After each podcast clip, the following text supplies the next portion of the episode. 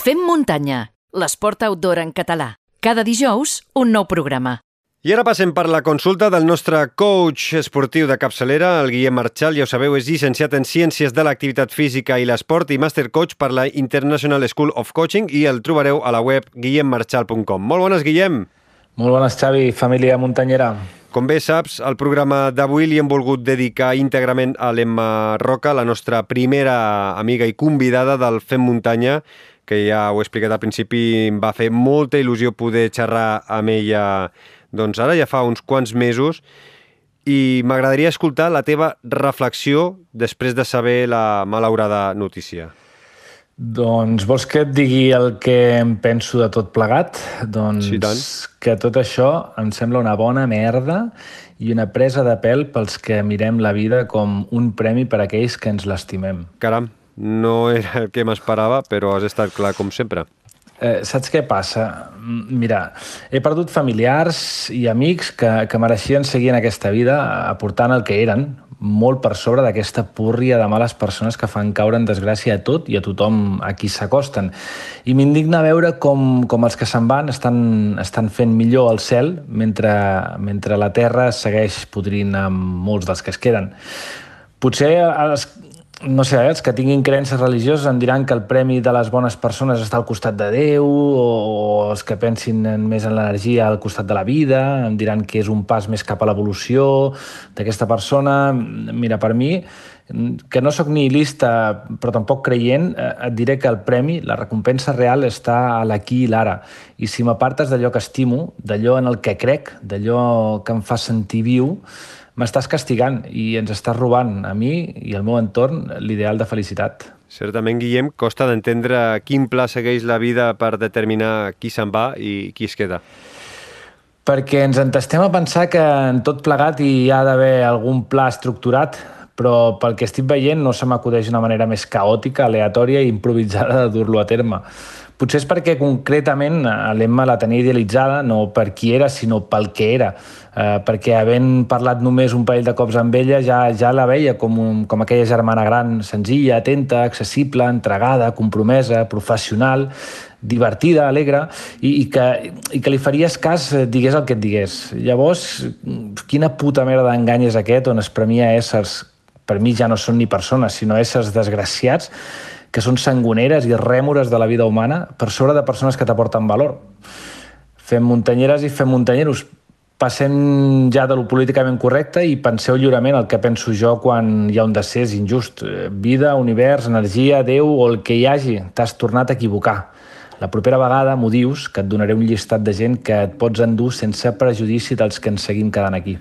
La veritat eh, és que sí que em sembla increïble que una persona com eh, l'Emma, tot el que ha portat a, a l'esport en general i sobretot també a l'esport femení, eh, tot el que ha portat a la ciència hagi hagut de patir el que ha patit eh, sent esportista, cuidant-se com es cuidava, tenint els coneixements que tenia i aportant tot el que aportava a la societat i a l'esport en general i a família i amics eh, en particular. Exactament.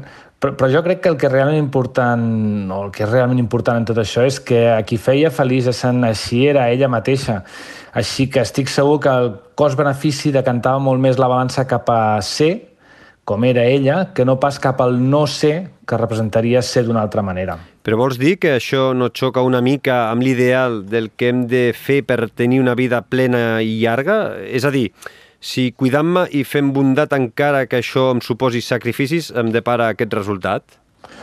És cert eh, que aquest tipus de notícies et fan replantejar-te quina mena d'incentius tens per ser perseverant i disciplinat en una idea concreta de benestar físic i mental. Jo mateix tinc moments de debilitat on veig gent que no fot brot, que pensa que l'esport és allò que només passa quan engeguen la tele, que mengen com garrins i veuen de tot i massa, que no desaprofiten l'ocasió de fer-se uns porrets, unes ratlletes, unes llapadetes de vidre, que tracten com el cul a propers i estranys, que viuen de totes les ajudes agudes i per haver i penso, uf, què collons faig si viuen millor que jo? Què en trec de ser així? I has trobat alguna resposta, Guillem? Saps que en treus de, de ser així o no? Doncs sí, ho sé. Mira, sóc feliç amb mi mateix quan deixo de pensar en els altres. Quan deixo de pensar en el futur, quan em centro en el que estic vivint ara mateix, quan penso que no hi ha res escrit i que tot ho vaig escrivint jo amb cada paraula, cada emoció, cada sentiment i cada acció que emprenc. Soc feliç quan el que faig repercuteix positivament en mi i en els que m'envolten, quan aconsegueixo transmetre als altres la importància de centrar-se en el que és realment important, Soc immensament feliç quan deixo de preocupar-me per tot allò que no puc controlar i em centro en les coses que sí que puc potenciar, canviar o eliminar de la meva vida. I quan m'apropo a la gent que m'aporta eh, coses i em fa créixer i millorar. I m'allunyo de, dels lladres de temps, dels pessimistes i dels gafes. Així que aquest és el meu petit homenatge a l'Emma, la noia del somriure etern, el de la gratitud per ensenyar-me a ser feliç és en jo mateix. I això és el que creus que hem de prioritzar? Crec que s'ha de deixar de pensar en plural per centrar-se en la singularitat de cadascú, que s'ha de passar de mirar el col·lectiu a mirar-se individualment, perquè només una persona que viu en plenitud és capaç de fer brillar tot el que té al voltant, eh, perquè només una persona que és fidel a ella mateixa és capaç de transmetre valors positius als altres, perquè només una persona que viu en harmonia en les cinc dimensions de la seva vida, la part espiritual, la mental, la física, l'energètica i l'econòmica, aconsegueix fer créixer a tot i a tothom. S'ha de canviar la crítica per l'autocrítica, la vanitat per la humilitat, la venjança per la virtut, l'odi per l'amor, l'enveja per la satisfacció, el rancor pel perdó, i així un llarg etc. I tot això s'ha de fer ja, sense perdre temps, perquè si una cosa ens ensenyen les situacions de merda és que, com deia en Pau Donés, Viure és urgent. Una frase plena de sentit, una frase que comparteixo i que eh, estic, no puc estar més eh, d'acord amb tu.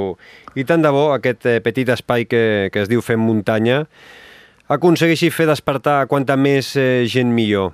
Guillem, un cop més, eh, moltíssimes gràcies per acabar el programa d'aquesta forma tan, tan brillant. Ens escoltem la setmana vinent. Gràcies, doncs, cuida't. Gràcies a vosaltres. Visita la nostra web femmuntanya.cat